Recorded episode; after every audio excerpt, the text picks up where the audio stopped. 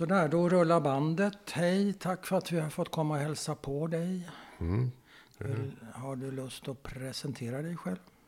Ja, jag heter Harry Flam. Eh, är 73 år. Född 1948. Mm. Och eh, har varit akademiker hela mitt liv. Ja. Mm. Född akademiker. Ja, det vill jag inte säga. Min pappa var ju eh, svarvare Ja, ja. i Sverige. ja. Mm. Så du har tagit ett kliv kan man Ja. säga. Ja.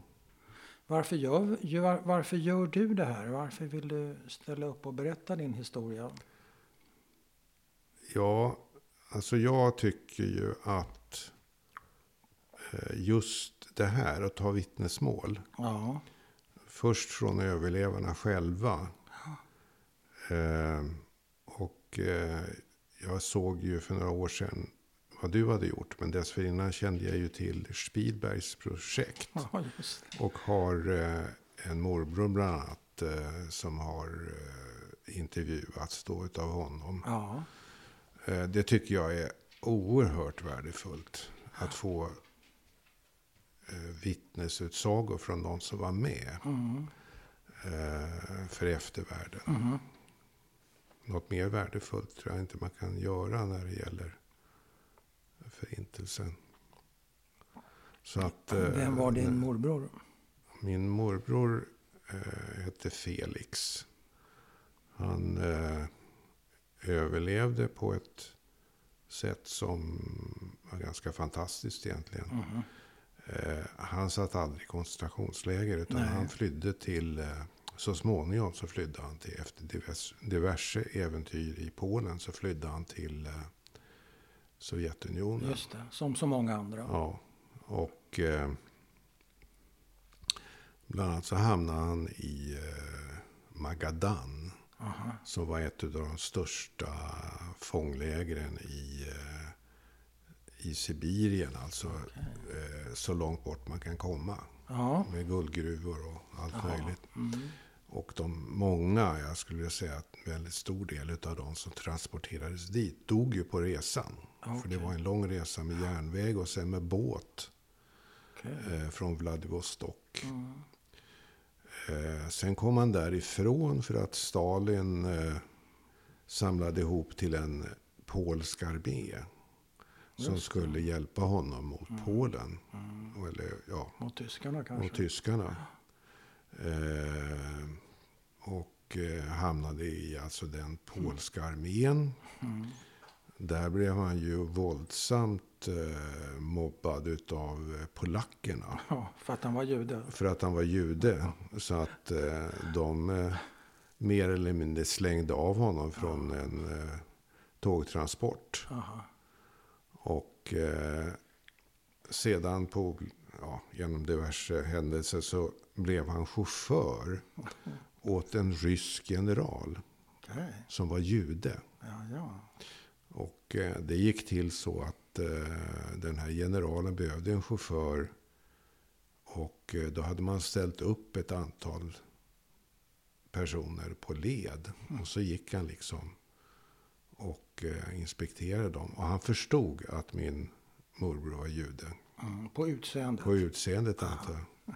Så han plockade honom för att han kände väl att han kunde lita på honom mer än på någon annan. Mm. Och han var ju inte öppet jude själv. Nej. Nej. Utan det var väl ganska få som visste att han var jude. Ja. Så att eh, så överlevde han kriget och eh, Men då öppnade han sig för din morfar och utsatte för- sig för en risk rimligen. Om din morfar förstod att han var jude också. Eh, generalen. generalen. Eh, det här var alltså min morbror. Förlåt, morbror. ja. Mm. Säger fel. Ja, ja, han visste ju att han var jude. Ja. Mm. Jag menar att han utsatte sig därmed för en risk på sätt och vis. Ja, jag vet inte. De hade en hållhockey på varandra på Ja, sättet. ja. Men han var ju hemma hos den här generalen i, som bodde någonstans. Jag tror att han bodde i Adessa. Och eh, där var det ju uppenbarligen ett ganska judiskt hushåll. Okej. Och så. Okej. Så att det, inte var, det var inte mer hemligt än så. Men Nej, han, nej. jag tror generalen gjorde ingen sak utav att han var nej, jude. jag förstår. Ja. Och hamnar han tillbaka till Polen till slut? Eller vad? Ja, efter kriget så tog han sig tillbaks Ja. till, eh, Polen och letade reda på eh, om det fanns några överlevande. Mm. Hitta några? Ja, och då hade ju eh, min mamma och en syster. Det var nio syskon. Mm. Tre överlevde. Det var de här tre. Min morbror, två? min mamma Ja, och och en moster. Ja. Och eh, eh, min... Men sex mördades med andra ord? Ja. Och eh, min... Eh, eh, min moster och min mamma, de kom med eh, vita bussarna. Från Bergen-Belsen? Från? Bergen-Belsen. Eh, och min morbror tog sig hit själv då, antar jag, Ja, till Sverige? till Sverige. Okej.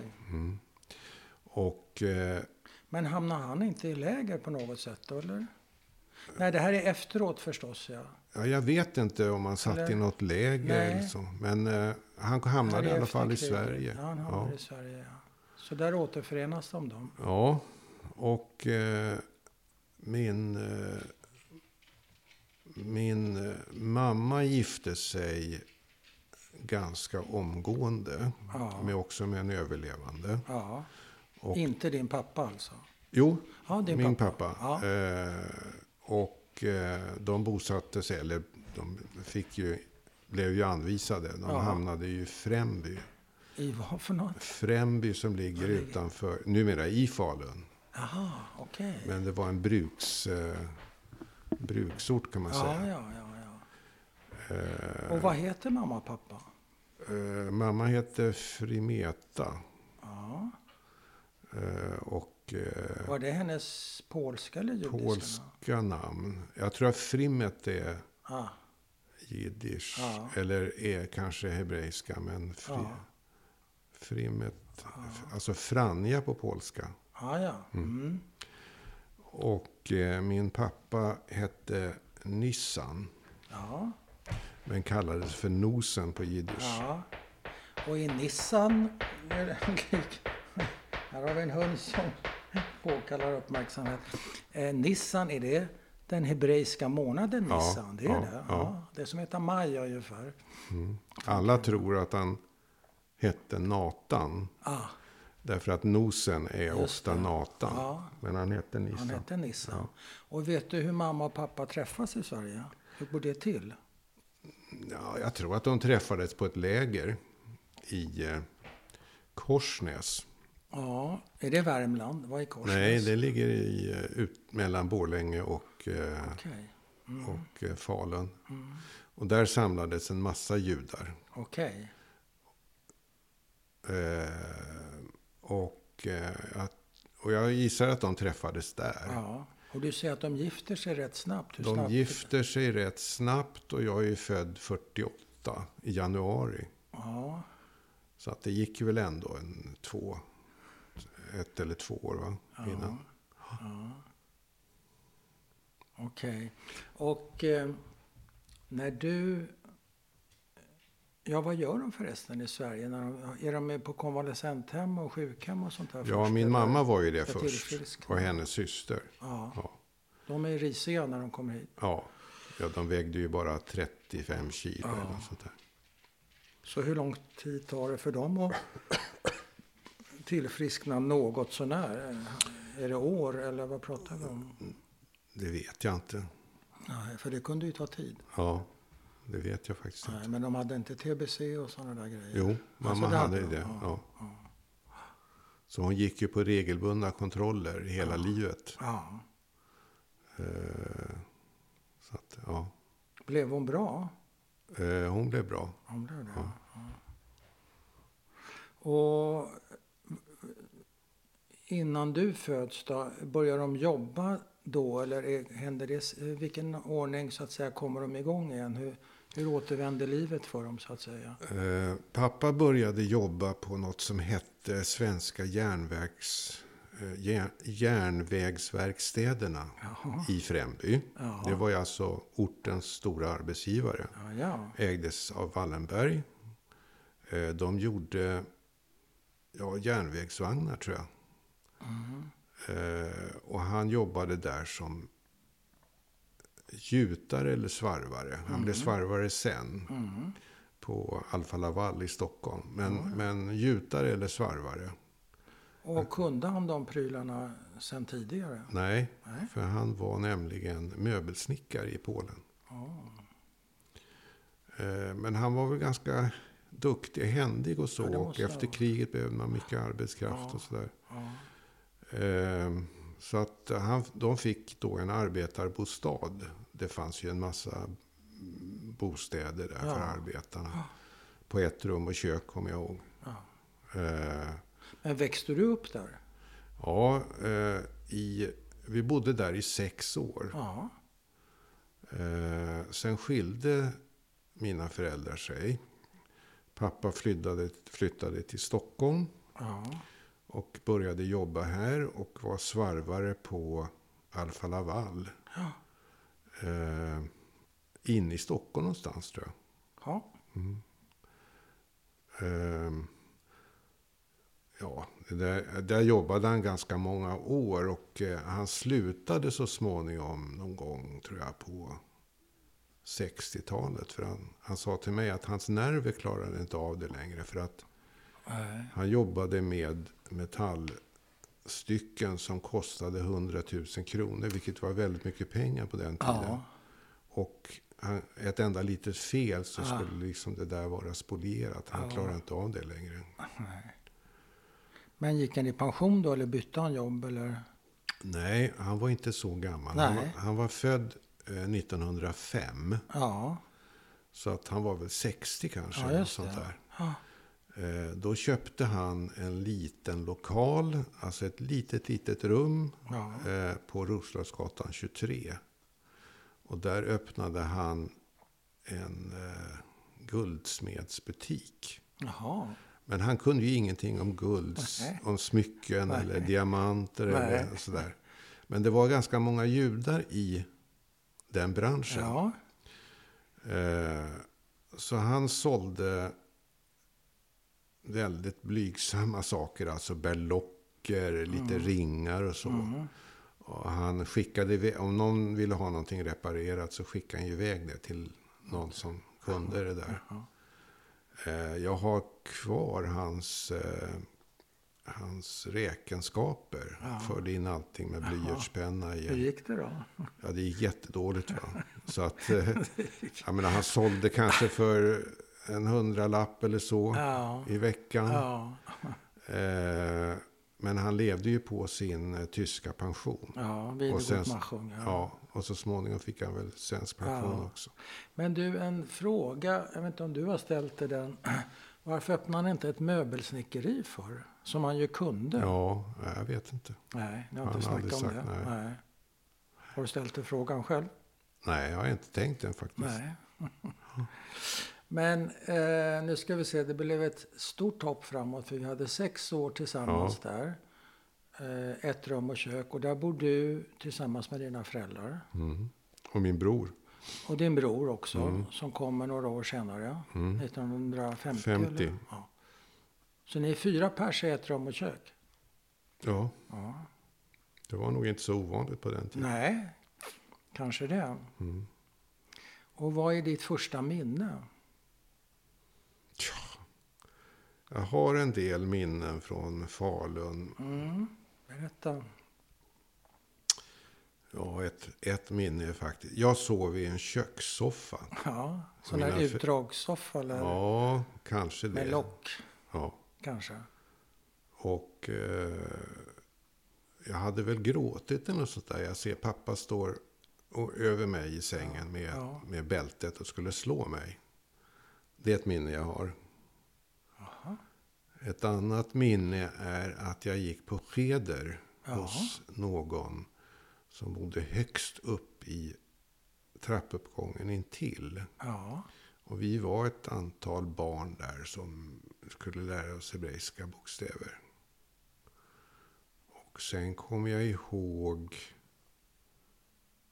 eh, ja, första gången tror jag min pappa tog ut mig. Jag skulle lära mig kissa på utedasset. ja, Eh, och sen kommer jag ihåg att vi lekte väldigt mycket där på vintern framför allt.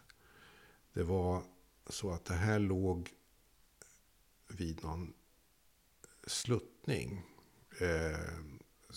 På den tiden så tyckte man ju att det var en Ja, jättesluttning. det. Och på toppen av den där så hade man byggt moderna bostäder. Där fanns då moderna lägenheter. De vi bodde i hade ju utedass och sådär. Ja, De var säkert från kanske 10-20-talet eller sånt där. Ehm, och där lekte vi och åkte skidor mycket på vintern. Vi Ja, för den byggde, här jättebacken. ja, vi byggde en knippa. Falun var ju backhopparcentrum. Så vi byggde en knippa. Man varvar snö med granris. Jaha, Så bygger man upp ett litet hopp där. jaha. Heter det knippa? Knippa. Eh, det kommer jag ihåg. Eh, Var kom, det sådana här skidor med låg, så kallad låg fästpunkt på den tiden? Eller vad ja, jag tror inte det fanns någon fästpunkt. Det var ju vanliga nej. skidor. Sen kommer jag ihåg eh, att företaget ordnade en skidtävling för barn på vintern. Ja. Och då skidade man runt något fält, kommer jag ihåg. Och jag kom tvåa i en tävling. Och pappa, han var väldigt förvånad. Inte stolt? Ja, han var nog stolt tror jag. Eh, Men han var väldigt Förvånad. Jag fick något pris. Det finns en bild ut när jag får ta emot ett pris Ja. av disponenten. Det låter fint. Ja. Sen, jag var på besök i fabriken en gång, kommer jag ihåg. Och Ja. såg, och såg maskinen som han jobbade vid. Jag, mm, ja, jag tror inte det var något gjuteri, utan det var en svarv, Mm. tror jag. Ja, vad minns jag mer? Det var en snäll tant där på toppen av backen som hade en damfrisering. Och där fick jag komma in någon gång och blev bjuden på saft eller någonting. Vi var ute i skogen, mamma och jag, och plockade blåbär på sommaren. Eh, ja. Sen kommer jag ihåg då när pappa och mamma skilde sig. Ja. Pappa skulle iväg till Stockholm. Han Ja. hade fått jobb där. Och, eh, eh, och sen som avskedspresent då, så, så skulle jag få någonting, nämligen en cykel. Ja, Och då åkte vi in till Falun. Ja, det kan inte ha varit särskilt långt. Vi kanske Nej. gick in till Falun. ja. Eh, och så fick jag en jättefin monarkcykel, orange. ja. Eh, ja. Eh, den, Men förstod du vad som var på gång då? Eller skulle bara pappa ner och jobba? Vad var det som... jag, Hur förstod du det där? jag förstod inte så mycket tror jag. Nej. Det det satte förklarar- inga, inga större spår i vardagen sådär direkt. Nej. Eh, men, men eftersom det här var en arbetarbostad så fick vi flytta ut. va? Ah. ganska omgående. Så att vintern, eh, jag tror att det var vintern 53-54. Ja. Då blev vi inkvarterade på ett pensionat. Mamma, min bror och jag. Ja. Eh, och där bodde vi nog en, några månader. Ja. Eh, och jag tror att det berodde på att man försökte hitta med hjälp av judiska församlingen i Stockholm. Ja. Något ställe för mamma att bo på. För det var en fruktansvärd bostadsbrist i Sverige i början på 50-talet. Mm. Eh, och så småningom så hittade man eh, en eh, lägenhet i Uppsala. Okej. Så att det var helt och hållet bostadssituationen som bestämde var vi hamnade någonstans. Ja. Och då hade du inte börjat skolan än då? Nej, Utan Ja, du det- gjorde det där kanske? eh, det gjorde jag i, upp, i Uppsala. Eh, jag tror att jag var sex år. Eh, och det var i mars eh, 54 som flyttbussen gick då. Ja. Eh, vi satt i framsätet tillsammans med chauffören och, och sen hade vi några pryttlar då på Ja. flocket. Och så körde vi till, eh, till Uppsala. Och vad var mamma då? Satt hon... Hon satt också i fram. Ni Två små barn. tre? Ja. Mm. Inga säkerhetsbälten låter Nej, nej. Jag kommer ihåg, det var en ganska solig dag där. Ja. Men vem försörjer familjen när, när, de skiljer sig? hur ordnar sig ekonomin för mamma då? Vet du det? Ja, i Uppsala? Nej, jag tänker till att börja med i Falun. Det vet jag inte. Nej. Jag, jag skulle gissa. Skickar han pengar eller vad? Jag vet inte om Nej. det var han som stod för underhållet eller om det var sociala myndigheter. Ja, eller församlingen eller? Jag vet faktiskt Nej, inte. du vet inte det. Nej. Och, och börjar mamma, nej hon kan väl kanske inte jobba när hon har två små barn hemma. När börjar hon jobba? Och kan Jo. hon jobba? Hon började jobba eh, när vi kom till Uppsala. Ja, då börjar hon jobba. Ja, och eh, Folke och jag eh, blev placerade på dagis. Ja. Och Det vad fanns- gör... fanns ju då för, det var inte så vanligt då, men det fanns för eh, ja, sådana som var tvungna helt enkelt. Ja, ja. Så det var mer en social inrättning? Det var en social ja, ja. inrättning. Och vad börjar mamma jobba med då? Hon började jobba på eh, en kappfabrik som låg i Uppsala. Kommer inte ihåg vad den hette. Jag. Nej. tror den hette Uppsala kappfabrik Ja. faktiskt. Och syr hon där? Hon syr. Ja. Och det, det kunde hon ju. Och det kunde hon? Ja. Mamma hade ingen yrkesutbildning. Hon var Nej. ju... Hon är född 17. Hon var ju drygt 20. Hon var väl 23 eller 24 eller något sånt där när de blev tvungna att flytta till gettot i Lodz. Eh, Hon hade ingen yrkesutbildning. Men hon hade gymnasieutbildning. Vilket Ja, var ja. ganska ovanligt på Ja, det den var tiden. ovanligt. Eh, Så hon började jobba på Uppsala kappfabrik. Eh, Tjänade sådär en 200 kronor i veckan, vill jag minnas. Mm. Och vi var på dagis då. Och så småningom, och jag började i skolan då när jag blev... Ja, jag var sju, så att det måste ha varit 55. Ja, just det. Mm. 48 plus 7. Eh, hur minns du skolstarten? Kände du några där? Eh, Det vet jag inte, det kommer jag inte ihåg. Men Nej. jag tror inte det. Uppropet, kände ju- Kommer du ihåg någonting? Eller? Nej, ingenting. Ingenting? Nej. Men det var en, en liten skola. Det var ett, ett trähus, envåningshus, som låg mitt på en stor tomt. Ja. Med grönt omkring, med eh, ja, grönska och sådär. Ja. Och det var fyra klassrum. Det där huset bestod av fyra klassrum. Ja, ja. Så där gick då två första klasser och två andra klasser. ja. Men det var inte en byskola där man eh, hade Nej, flera klasser nej, ihop så att nej, säga. Utan det var, det var ja. Ja. Men har du någon... Hur blev det där då för dig med flytten, börja skolan, du kanske får nya kompisar. Hur blir hela den grejen för dig? Hur minns du det? Eh, Jag har inga varken dåliga eller sorgliga minnen utav det och heller inget särskilt. Nej, varken eller. Nej, det, det gick... Det har inte eh, fastnat. det Det, gick fast- förbi. Det gick förbi, ja. Ja, varför inte? Det är en sak som jag minns som jag var glad åt. Det var ju att... Eh, att första morgonen när jag vaknade i eh, köket. Låg också i den här utdragssoffan tror jag. Samma. Den hade flyttat med till, till Uppsala. Ja. Eh, så stod mamma böjd över mig och så frågade hon, vill du heta Harry? Det hette jag nämligen inte från början. Eh, och jag tänkte inte så mycket på Harry, på själva namnet. Utan jag tänkte att jag skulle slippa heta Schillors. Det var ditt namn. Det var mitt namn.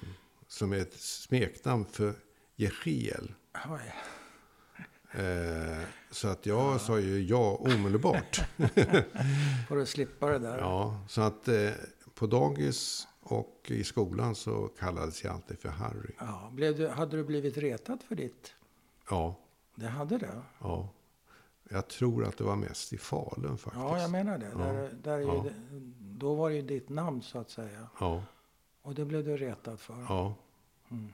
Det var ju samma med min bror. Han hette ju Frojim, alltså Efraim. Ja, Freud. Och jag kommer ihåg, eh, det här var i Falun, en sommarkväll så kommer mamma ut. Och då höll jag på och lekte på en lekplats på en sån här karusell som fanns då.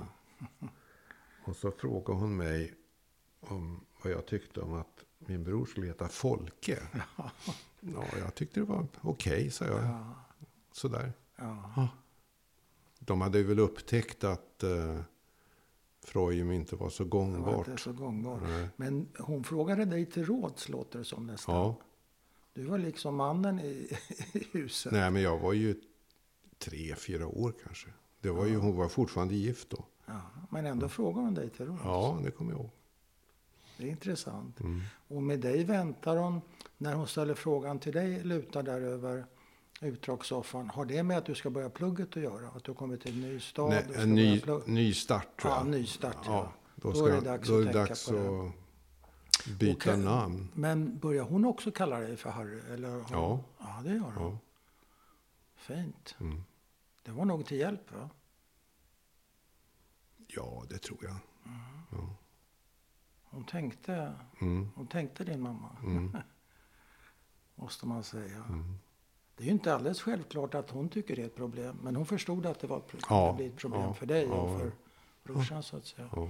När vi ändå är vid den där utdragssoffan så har den här inledande historien om när du ligger och gråter i den och pappa står böjd över dig och som du säger, om jag förstod saken rätt, har livremmen i högsta hugg. Jag, jag, kan du förklara vad, vad handlar den där om, den historien? Jag tror att jag skrek, alltså jag störde dem. De kunde Ja. inte sova. Nej, Och då skulle jag ha stryk så att jag visste. och då skulle du sluta skri- Ja, ja. skrika. Ja. Blev du slagen annars? Det där är enda minnet jag har. Slog han dig då? Eh, Det kommer jag inte ihåg faktiskt. Nej. Otäckt, Ja. var det inte det? Eh, Jag kommer ihåg det. Ja. Men det är ingenting som, eh, som jag kommer ihåg. Det är ing- ingenting som ger mig olustkänslor. Nej, Så jag okej. kommer bara ihåg. Ja. ja. Det har satt sig i minnet i alla fall. Ja, det har det Mm. definitivt. Eh, jag vet inte riktigt hur vi ska gå vidare, du får hjälpa mig lite. Men en, Mm. så många frågor. En fråga är om dina föräldrar någonsin gift om sig, någon av dem. Nej, ingen utav dem. Ingen av dem. Nej. Och har du i efterhand förstått vad den där skilsmässan handlade om? Eh, ja, alltså jag fick ju både mammas och pappas historia. Ja, ja. För, förklaring. Ja. Men jag kanske ska börja med att säga att pappa var ju gift och hade familj. Mm. Före kriget. Han var född 1905. Ja. Han var född 17. ja. Eh, pappa hade fyra barn. Oj. Eh, eh, ja, fyra flickor. Och hans fru och jag tror hans två äldsta barn Ja. omkom i Auschwitz. Ja. Och jag vet inte hur de två yngre barnen eh, dog. Men de kan ha dött i gettot i Lutz. Okej, så ingen från den Nej, familjen överlevde helt enkelt. Var de också från, från Lodz? ja. ja, ja. Ja, Men de eh, kände inte varandra därifrån? nej, Mamma och pappa? nej. Okej. Men eh, pappa hade en bror som överlevde. Mm. Eh, en bror som han aldrig eh, tog kontakt med efter kriget. För att eh, de... Eh, han hade blivit ovän med sin bror. För hans, han sa till mig att hans bror jobbade med så att säga, administrationen utav gettot. Ja. Och vid något tillfälle hade pappa det väldigt svårt. Och jag vet inte vad det Nej. var. Och han påstod att hans bror hade kunnat hjälpa honom men Ja. inte gjorde det. Nej. Eh, Så då bestämde han sig för att inte ha någonting med honom att göra. Kan man säga att brorsan samarbetade med nazisterna och därmed? Med det Eh. jobbet? Ingick det inte ett viss, viss form av samarbete? Eh, Ingen aning. Nej. Det kan ha varit så. Kan ha varit så. Men då klipper han alltså. Han, får inte, Ja. han är i en svår situation. Han får inte hjälp av sin bror. Nej, Och sen dess har de inte kontakt. nej. Men hans... Aldrig någonsin mer. Nej, De aldrig. försonas aldrig. Nej. Eh, Min bror flyttade till... Eller min farbror Ja, flyttade till eh, Israel. ja, ja. Och han fick barn där. ja. Och jag har träffat två av hans barn. Dina kusiner? Mina kusiner. Eh, jag träffade aldrig honom. Nej. Jag tror att han dog i början på 70-talet. Ja, hade farsan några synpunkter på att du träffade hans barn? Jag det- tror inte att han... Jag tror inte jag berättade det för honom någonsin. Jag tror inte han visste det. Du berättar inte det? Nej, alltså Skulle- jag hade väldigt... Jag hade mycket sporadisk kontakt. Jag tror att jag träffade min pappa kanske en handfull gånger efter det. Efter skilsmässan. Oj, Mm. efter 50, var det efter 55 eller vad sa du? Ja, 54. 54? Till och med 53. Ja, ja. Och sen dess hade ni inte så mycket kontakt? Det eller var ju inte, det var inte gemensam vårdnad. Nej, Eh, jag kommer bara ihåg ett enda besök eh, i Uppsala av pappa? av pappa. Mm. Eh, jag ligger i sängen, jag hör... Min pappa och mamma pratade ju alltid jiddisch med Ja, varandra. det. Förstår du jiddisch? Jag förstår, min mammas jiddisch förstod jag utan vidare. Ehm, och då hör jag en mycket välbekant röst. Det här måste ju ha varit ja, kanske ett par, tre år senare. Jag Ja. vet inte. Där jag ligger i sängen. Det känns jättevälbekant. Va? Det är min pappa Ja. eh, som kommer Såklart. besök. Men mamma vill ju inte veta av honom. Så att, eh, Kommer han oanmäld tror du? ja, det tror jag. Mamma hade ju inte telefon. Nej, och hon hade inte berättat. Du visste inte om att han var i antågande heller? Nej, då? det visste jag inte. Så det verkar bara vara att han... Ja, jag har ingen minne annat. Jag har ingen minne av det där besöket annat Nej. än att jag hör den där rösten. Ja. Och blir han utslängd eller vad? Kanske, det vet Kanske. jag inte. Ja. Nej, okej. Nej, hon vill inte ha någonting med honom att göra. Nej, men det här eh, berättelsen började ju med huruvida de gifte om sig eller inte. Och då började du berätta om pappa och hans första familj. Och då blev jag nyfiken, ser du någon koppling till den här skilsmässan på grund av hans förhistoria? Var det så du...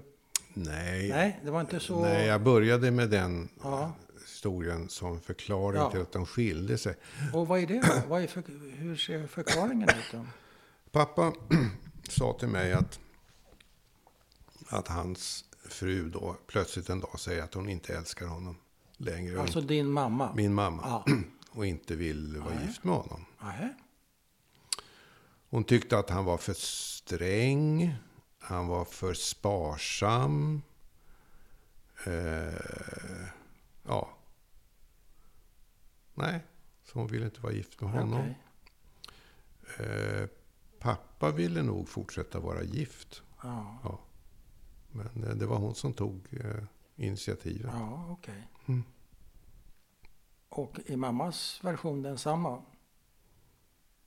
Ja, det var ju det här att han var snål och Ja, skulle bestämma vad hon gjorde och ja så. det. Ja. Så de, Sträng. och, han, och hans version är också...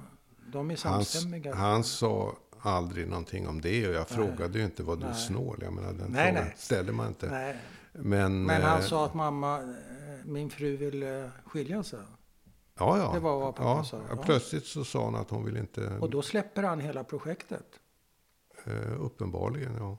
Har han mer kontakt med din eh, lillebror? Nej, nej. Nej, nej. nej, nej. Han ger upp hela... ja, han försökte då åtminstone en gång i Uppsala. Som Ja, jag ja. minns. Ah, Nästa gång jag träffar honom är i samband med min bar mitzva. Jaha, han är ju 13 då. Och eh, då, vi bor i Uppsala, vi åker till Stockholm och vi gör någonting väldigt ovanligt. Vi sover över på hotell, hette, det hette då Excelsior på Birger Ja, okej. I hörnet där, det var ju Finland, Finlands hus ett Ja, tag. där jag. ja. Ja, just det. Ja. Eh, bodde över där. Eh, och jag, eh, det är Stora synagogan. Mm, Tillsammans med Jan Isell. mm. Han är också född, var född då i början på januari. Så ni går fram samtidigt alltså? Ja. Mm. Och pappa hade då... Eh, han, han, gick, han var religiös, min pappa. Okej. Han var traditionell. Och han gick i stora synagogan vad jag förstod. Eh, Men han kanske gick i de andra också, jag vet inte. Jag hade träffat honom då. Och han tillhöll mig väldigt på skarpen att efter det att jag kom ner från Biman Mm. så skulle jag eh, skaka hand med Gabaim Det var viktigt. på första raden. Tjänstemännen där, eller vad vi ska kalla det för. Ja.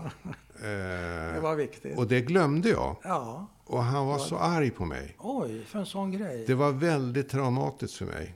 Oj. Att han var arg på mig för det. Ja, en sån dag Ja, det var, en, det var ett stort trauma för mig. Ja, Att jag hade gjort honom besviken på det Ja. sättet. Vad dumt av honom. Sen eh, fick jag gå med honom hem till honom. Ja. Eh, Bara du. bara jag. Jag tror att först åt vi lunch på restaurang Catelin. Mm. I Gamla stan. Ja. Tillsammans då? Inte pappa var inte med. Nej, Nej. utan mamma. Familjen och sedan någon vän till mamma. Ja, okej, så ni käkade där? Ja. Sen fick jag följa med pappa hem. Det här är januari. Ja. Han bodde på vinden. ja. eh, vid ett hus vid Odenplan. Och jag uppfattade att det var, det var en råvind. Det var alltså ingen lägenhet. Va? Nej. Vilken, Eh. vilken misär. Ja, och han hade, han hade vatten. Jaha. Kallt vatten. i, Du vet en sån här eh, rostfri ho. Ja. Med, med en, En kran, kran. Med en kran kallt vatten. ja. Och sen hade han flera par skor. Och så fick jag välja ut ett par Jaha. som jag skulle få då i present. Ja. Och jag kommer inte ihåg, jag antar att jag tog dem där. ja. Begagnade då alltså? Nej, Hans? nya Nej, skor. nya? Ja, han hade köpt nya skor. Ja, men han hade köpt flera nya skor. Han hade, som jag minns, eh, åtminstone två par, Ja. men kanske flera. Ja, passar de då? Det kommer jag inte ihåg. De var väl för stora antar jag. Ja. Ja. Ja. Ja, och sen åkte vi hem. Men hur kommer du mellan Catalin och Odenplan? Hämtar han upp Han dig? hämtar väl, eller mamma lämnar. Ja, jag jag kommer inte ihåg.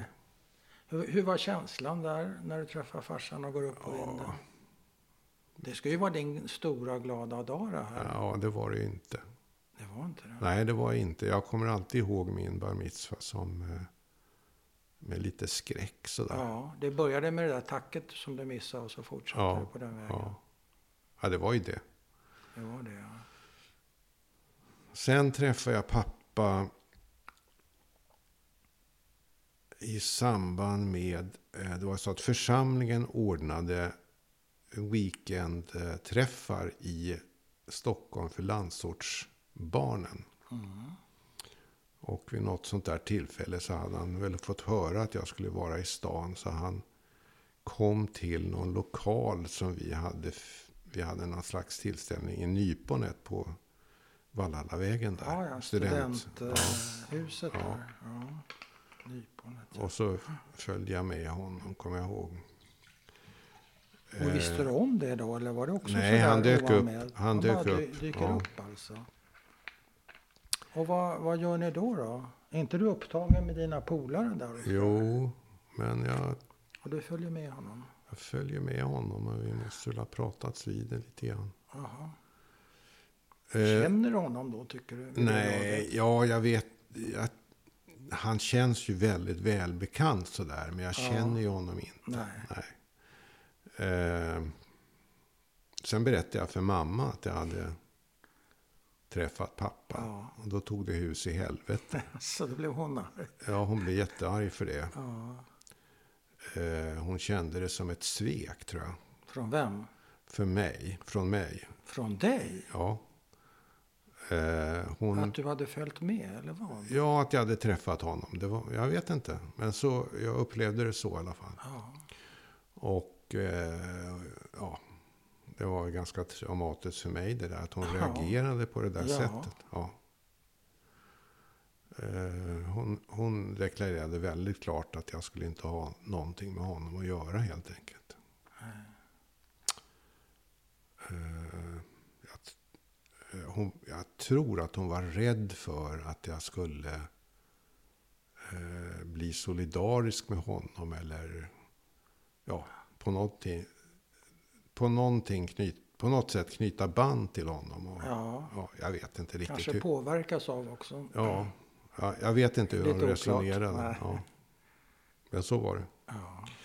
Var Och det sen- sista gången eller sågs ni mer? Nej, nej, utan eh, jag kommer inte ihåg sen om jag träffade honom mer under tonåren.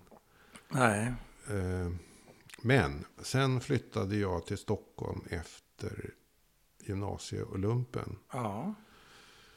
Och bodde på, ja, först bodde jag ett år i Lapp, på Lappis. Eh, sen bodde jag på Vallalavägen i Forum, nya Ja. studenthemmet. Ja.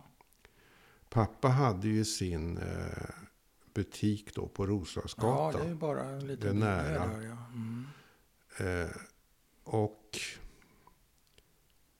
vid något tillfälle så blev han blev rånad Oj.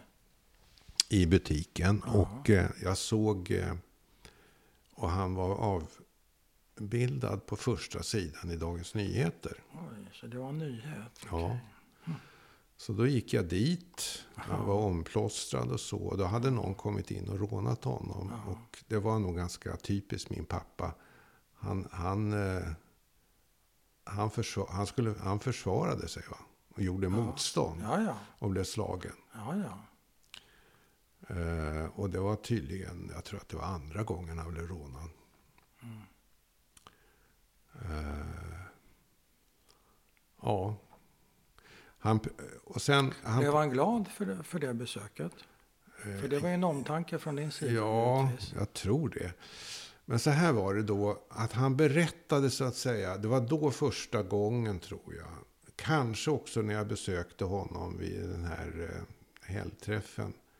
Att han berättade sin historia. Ja, ja. Men nu gjorde han det igen då. Mm. Och eh, hur mamma hade liksom slängt ut honom mer eller mindre. Mm. Och eh, hur ledsen han var för det och, och så vidare. Och sen, sen en annan sak, så, så, så la han skulden på mig för att inte jag sökte upp honom oftare. Alltså hade gjort större ansträngningar själv för att träffa honom. Och jag hade ju den här traumatiska uppgörelsen med min mamma. Just det. Eh, och dessutom så kände jag att det obehag för att träffa honom. För att, just för att han skuldbelade mig. Ja. Och, och det var liksom bara den här sorgliga historien om, om äktenskapet Mm. och, och så. Eh, så det var inget kul att träffa honom. Nej, det förstår Nej. Eh, och jag gjorde Milt det. uttryckt. Ja, och jag Men han, gjorde, han verkar ju inte vara ett dugg intresserad av att ta ansvar själv för situationen. Nej. Han, det är ju han som är vuxen och du Ja, är barn. ja, visst. Oberoende av ålder så är det ju, det är så ser Ja, relationen nej ut. men så var Men så inte. funkar det nej, inte. Det var, Nej. det var du som skulle greja det. Det var min, eh, det var min skyldighet mer eller Ja. mindre och inte hans. Köpte du det i den situationen? Ja, det- eh, jag kände skuld. Jag Ja. kände skuld för det. Det landade så? Ja, Eh, ja. Jag träffade honom någon gång till. Ja. Eh, eh, men sen, det här är några år senare, så sitter jag på Handels. Jag höll på att doktorera då. ja. Och då ringer telefon från Danderyd. Och då ligger han sjuk där. Mm. Och har uppgett mig som sin närmaste anhörig. Mm. Och då är det så att han har fått strupcancer. Och det här är då någon gång i eh, februari, mars 79. Och sen är jag där i stort sett varje dag. Mm. Tills han dör i början på maj. Hur gammal är han då? Nej, han, han dör den 18 eller 19 maj förresten. Ja. Då är han 74 år. Ja. det är ju ingen ålder. Nej. Så du Eh. går dit, vad sa du, varje dag från, Från Bergshamra. ja men från vilka datum, hur, hur många? Ja, det kanske är en period på tre månader. Ja, då är du där nästan varje Ja, dag. ja. Eh, jag är där nästan varje dag. Jag har en nyfödd äldste sonen då, Aron. Tar med honom ibland. Han kryper omkring, där kommer jag ihåg, i sjukhuskorridoren. Han, är, han är då eh, sju månader eller åtta månader och sånt där. Men du vill verkligen vara den snälla sonen. Ja, eh, och då berättar han mycket om sitt liv alltså. Ja. Eh, om Pol, tid, lite grann om tiden i Polen. Att han hade en familj, det visste jag inte. Nej, det kommer fram då. Ja. Mm. Eh, ja, eh, han var ju... Han hamnade ju i Auschwitz och sen var han ju slavarbetare i Tyskland Ja. resten av kriget. Ja. Han var ju ung och stark och yrkeskunnig. Ja. Eh, ja, Är det någonting som liknar en försoning där skulle du säga? Eller hur blev det för dig? ja, alltså jag kände väl på något sätt så. Att vi eh, lärde känna varandra lite grann. Ja. Framförallt så lärde jag känna honom. Ja. Och han träffade ju Eva. Eh, Eva tog ju med Aron en gång utan att jag visste om det till Ja. hans butik när Aron var ett par, tre månader gammal för att han skulle träffa Aron. ja. För han, hade, han kände inte till eh, Han att visste, han var farfar, eller? jo det visste han Ja, väl kanske. Men han hade inte han, träffat eh, han har inte träffat sitt barnbarn. Eh, ja, så var det. Tyckte han om eh, Aron? Ja, alltså han var ganska sjuk och sådär. Det gjorde han säkert. Vad, vad, vad, vi ska komma till din mamma också och er relation. Men så här i efterhand, vad var, han, vad var det för fel på din pappa? Vad var han för skada? Vad hade han för trauman så att säga? Jag tror att han var väldigt bitter. Ja, Ja, men det är sedan långt tidigare. Det, Då Ja. pratar vi inte om den här skilsmässan utan det är krigserfarenheter och sådär. Den, hans första familj, eller? Jag vet ju inte varför han var bitter. Om var Nej. första familjen, Nej. kriget, Nej, vet jag. upplevelsen under Men han var kriget. bitter. Och sen äktenskapet som gick eh, pipan, ja. med pipan. Ja. Nej, det, jag vet Men inte. hur land, har det där landat i dig? Hans bitterhet och hans oerhörda lust att förebrå allt och alla. Och sin bror och dig och säkert eh, din mamma också för den delen. Hur blev, och du säger du accepterade ju det där. Vad, vad, har det vad tar det vägen till slut? Ja, det vet jag inte. inte fan vet jag som man brukar säga när man inte Ja. har något bra svar.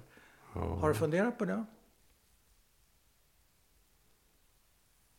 Eh, ja, eh, absolut. Det har satt djupa spår i mig.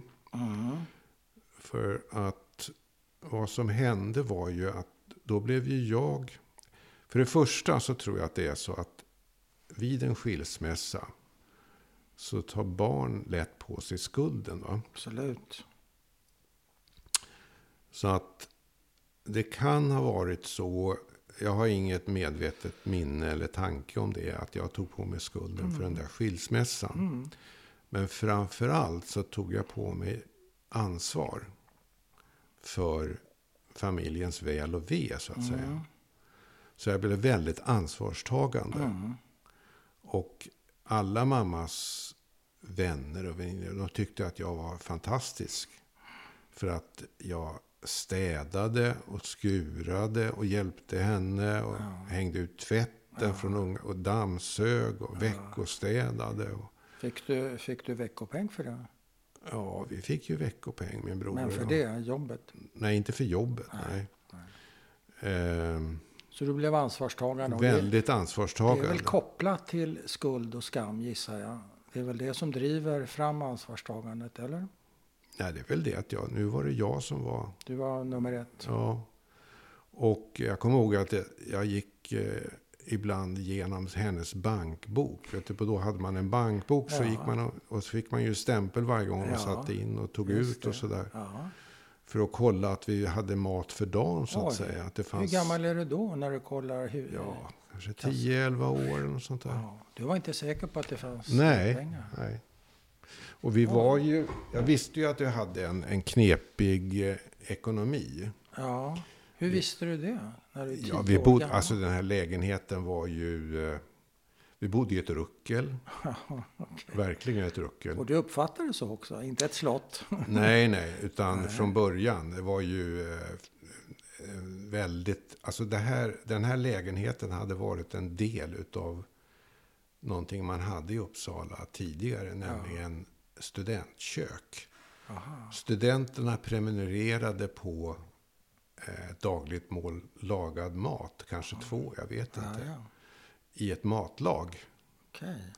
Och eh, då höll man till här. Så att vårt kök var det här stora köket för det här matlaget. Och sen fanns det ett antal rum på den här andra våningen i det här gamla rucket. Ja. Där man åt. va. Okej. Och då hade man avdelat. Så vi bodde i köket och, och ett rum. Ja, men hade det varmt och kallt? Eh, vi hade bara kallvatten och vi hade torrdass. Ja, och vad hade ni för spis då? En vedspis. Ja. Så där värmde man vattnet Ja. och sådär. Och, och vi hade ju kakelugn. Då. Ja. ja, det får man ju säga är väldigt enkla förhållanden. Och jag Så- kommer ihåg att eh, korkmattan, det var ju bara bitar i köket. va? Okej. Eh, Och i trappuppgången, det var ju, det var ju, flag, det var ju så flagnat så Ja. att det var som ett Så, konstverk. så när du säger som ett konstverk.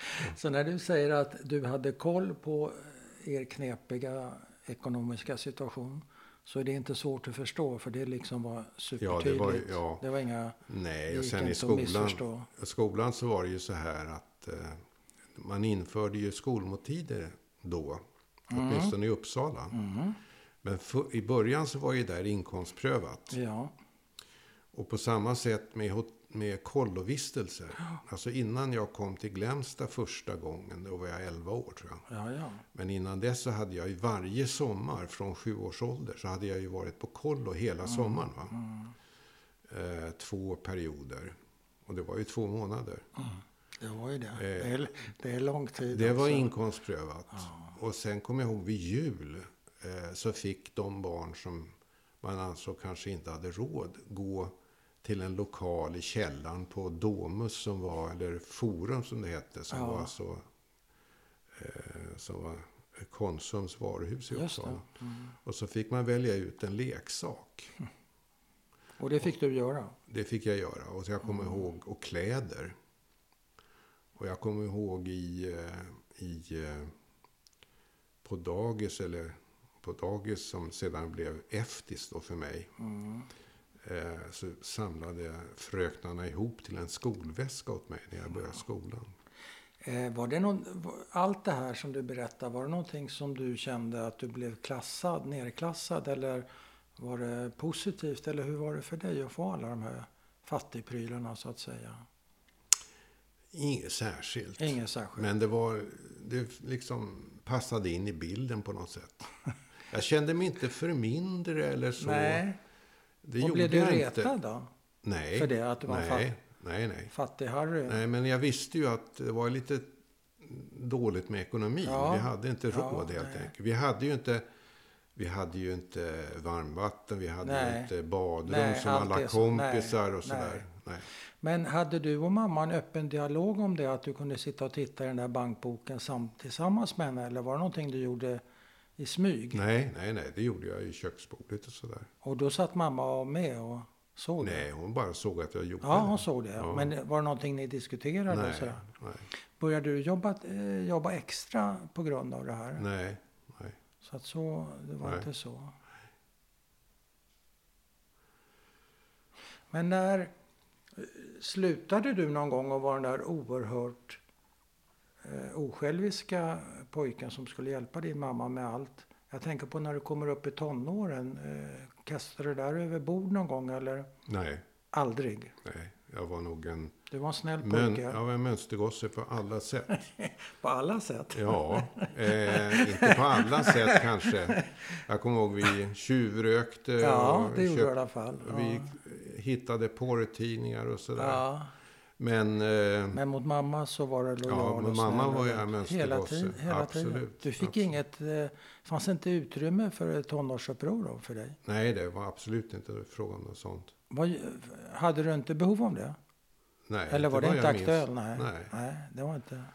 Eh, nej, inte alls. Hittar du inte på något sätt att vidga ramarna? Jag tänker släppa hem någon icke-judig tjej eller vad som helst. Nej, ingenting Det sånt. var inte aktuellt. Nej. Vad hade hänt då? Det hade nog inte hänt. Min mamma var, in, hon var nästan antireligiös. Ja, ja. Pappa var religiös och hon var anti. Ja, hon hade inte mycket till övers för Nej. religion. Nej. Eh, det- En annan lustig sak som med lägenheten, det var att, att eh, judarnas synagoga Ja. i Uppsala Ja. låg eh, vägg i vägg med vår lägenhet. Okej. Eh, det var två små rum. Det fanns inge, ingen toalett, inget vatten, ingenting. Nej. Två små rum bara. Ja. Men man kom upp på samma trappa. Man gick i, eh, in, man gick i en korridor och Ja. in i de där två rummen. Det var församlingens Det var synagoga. bönerummet. Och Men eh, gick ni dit någon gång på helgdagar och sånt där?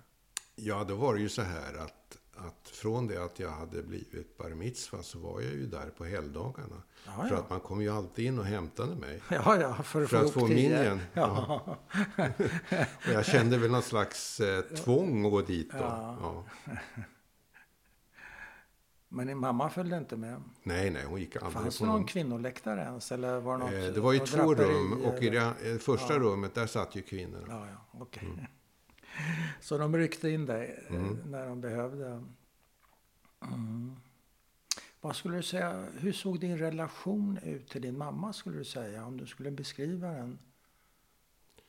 Eh, vad hade ni för relation? Ja, vi hade en väldigt bra relation som jag Mm. uppfattade det. Hon var ju alltid mån om vårt bästa, alltså min brors och mitt bästa och sådär. Mm. Det, att det kände man ju att mamma hade man ju bakom sig till Ja. 110 procent. Hon var en snäll person. Och dessutom var hon väldigt stolt över att jag var duktig i skolan och sådär. Mm. Och jag var väldigt duktig i skolan och ja, jag höll på mycket med elevråd och sådär. Ja, Skrev lite i tidningen Uppsala Nya. ja, ja. Ja. Kan man säga att du, man brukar ibland säga jag var född med en portfölj i handen, men det är inte riktigt eh, rätt och snällt. Men, men fick du bli vuxen lite i förtid? Ja, absolut. Alltså det här att jag eh, tog ansvar Ja. själv. Ja, Eh, som en vuxen gör, ja, borde att- göra. Visst, absolut. Har det varit en bra erfarenhet för dig? Det är svårt att säga. Ja, det är ju det. Mm. Hur tänker du på det? Jag vet faktiskt inte. Nej. Nej. Vem, vem, ja, förlåt, nu avbryter jag dig. Du tänkte säga något. Bra erfarenhet eller inte? Ja. Eh, Jag tror att jag blev ju övergiven utav pappa. Mm.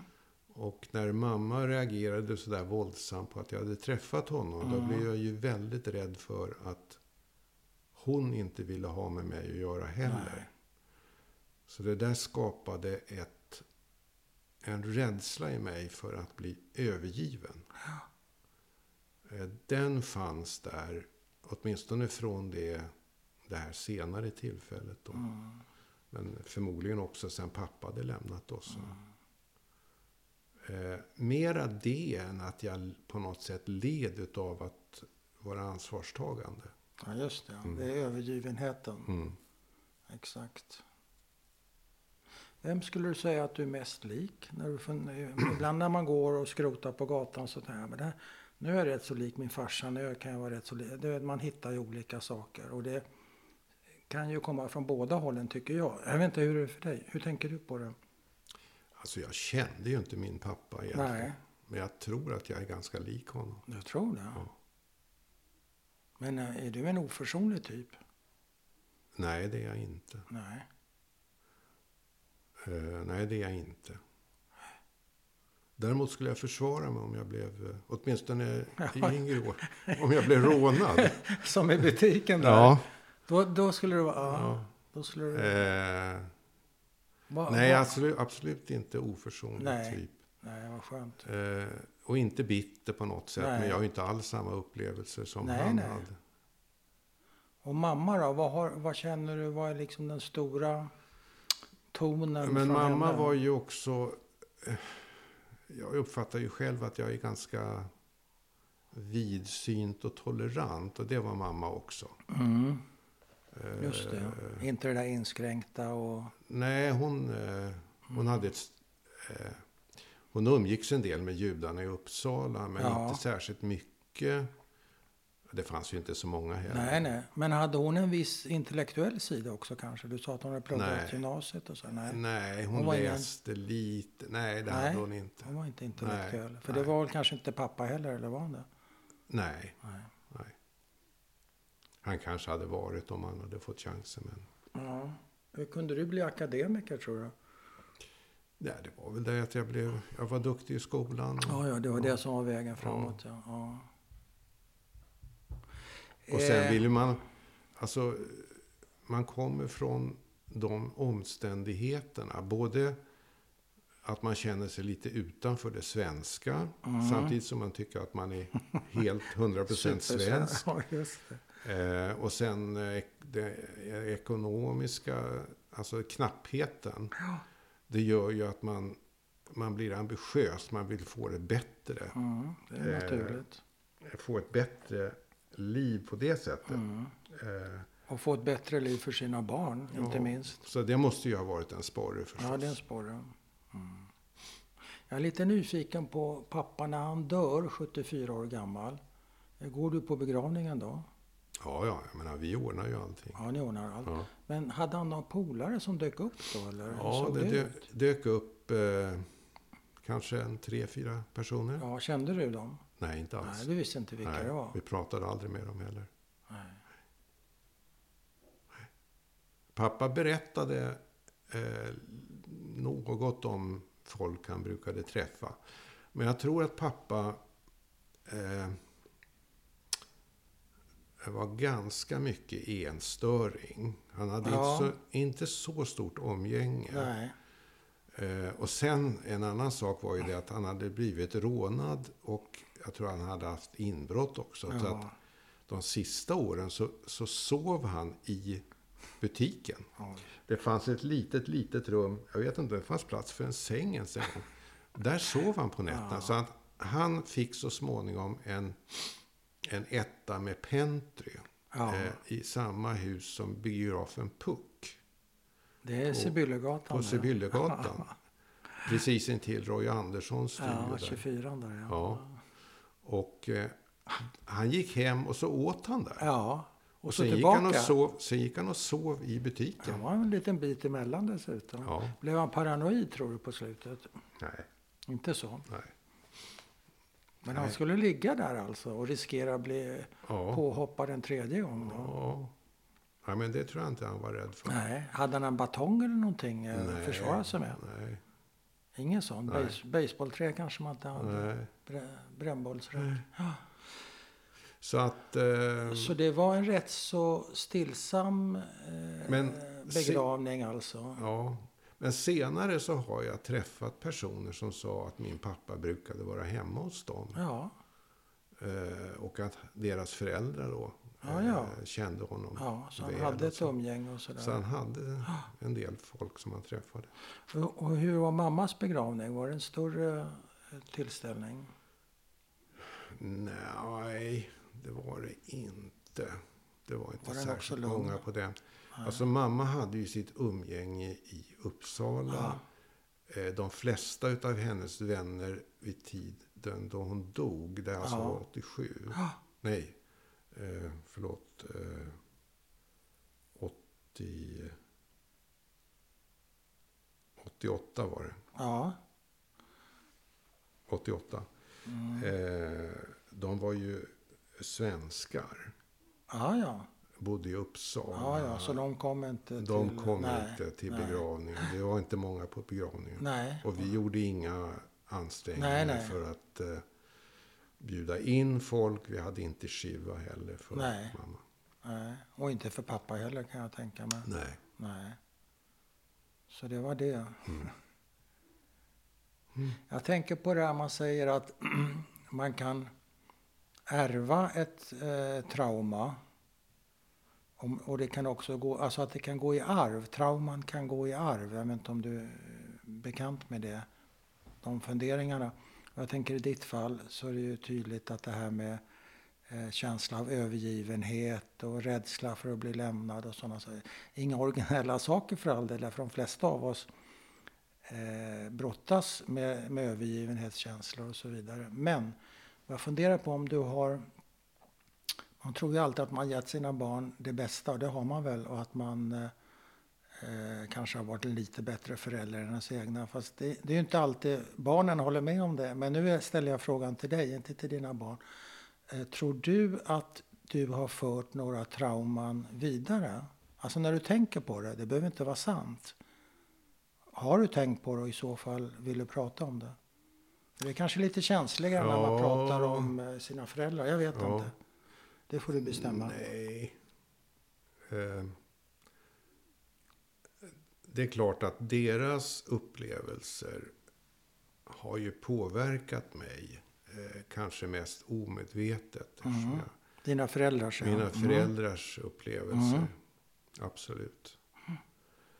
Eh, jag tror inte att det har påverkat mina barn så mycket. Alltså min fru hon hade ju samma bakgrund när det gäller föräldrar. Mm. Hennes mamma kom också från Lodz. Och hon bodde, väldigt, hon bodde väl i stort sett i samma kvarter som, som min mamma. Jaha. Hennes pappa däremot var tysk jude. Och han satt ju i läger i Danmark, alltså ett sånt här mm. jordbruksläger. Mm. En del av kriget. Och sen kom han över med eh, över sundet, de här båtarna. Ja. Men eh, Nej, det tror jag inte. Nej, Nej. vad skönt. Mm. Du har dragit ett streck. Mm. Jag tror det. Kan man säga. Mm. Ja, men något annat, ja, vad ja. vet man. Men man... Eh, det är ju en bra... Det är en bra känsla. Mm. Att försöka göra det, tror jag. Eh, Harry. som jag numera kallar dig. Mm. jag har alltid kallat dig för Harry. Vill du lägga till någonting?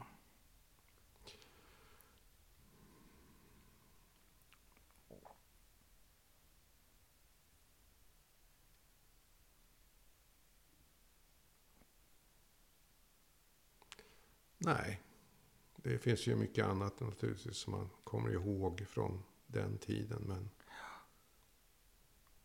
Känns det okej? Okay? Ja. ja. Mm. Då tackar jag så mycket. Mm. Tack. Tack själv.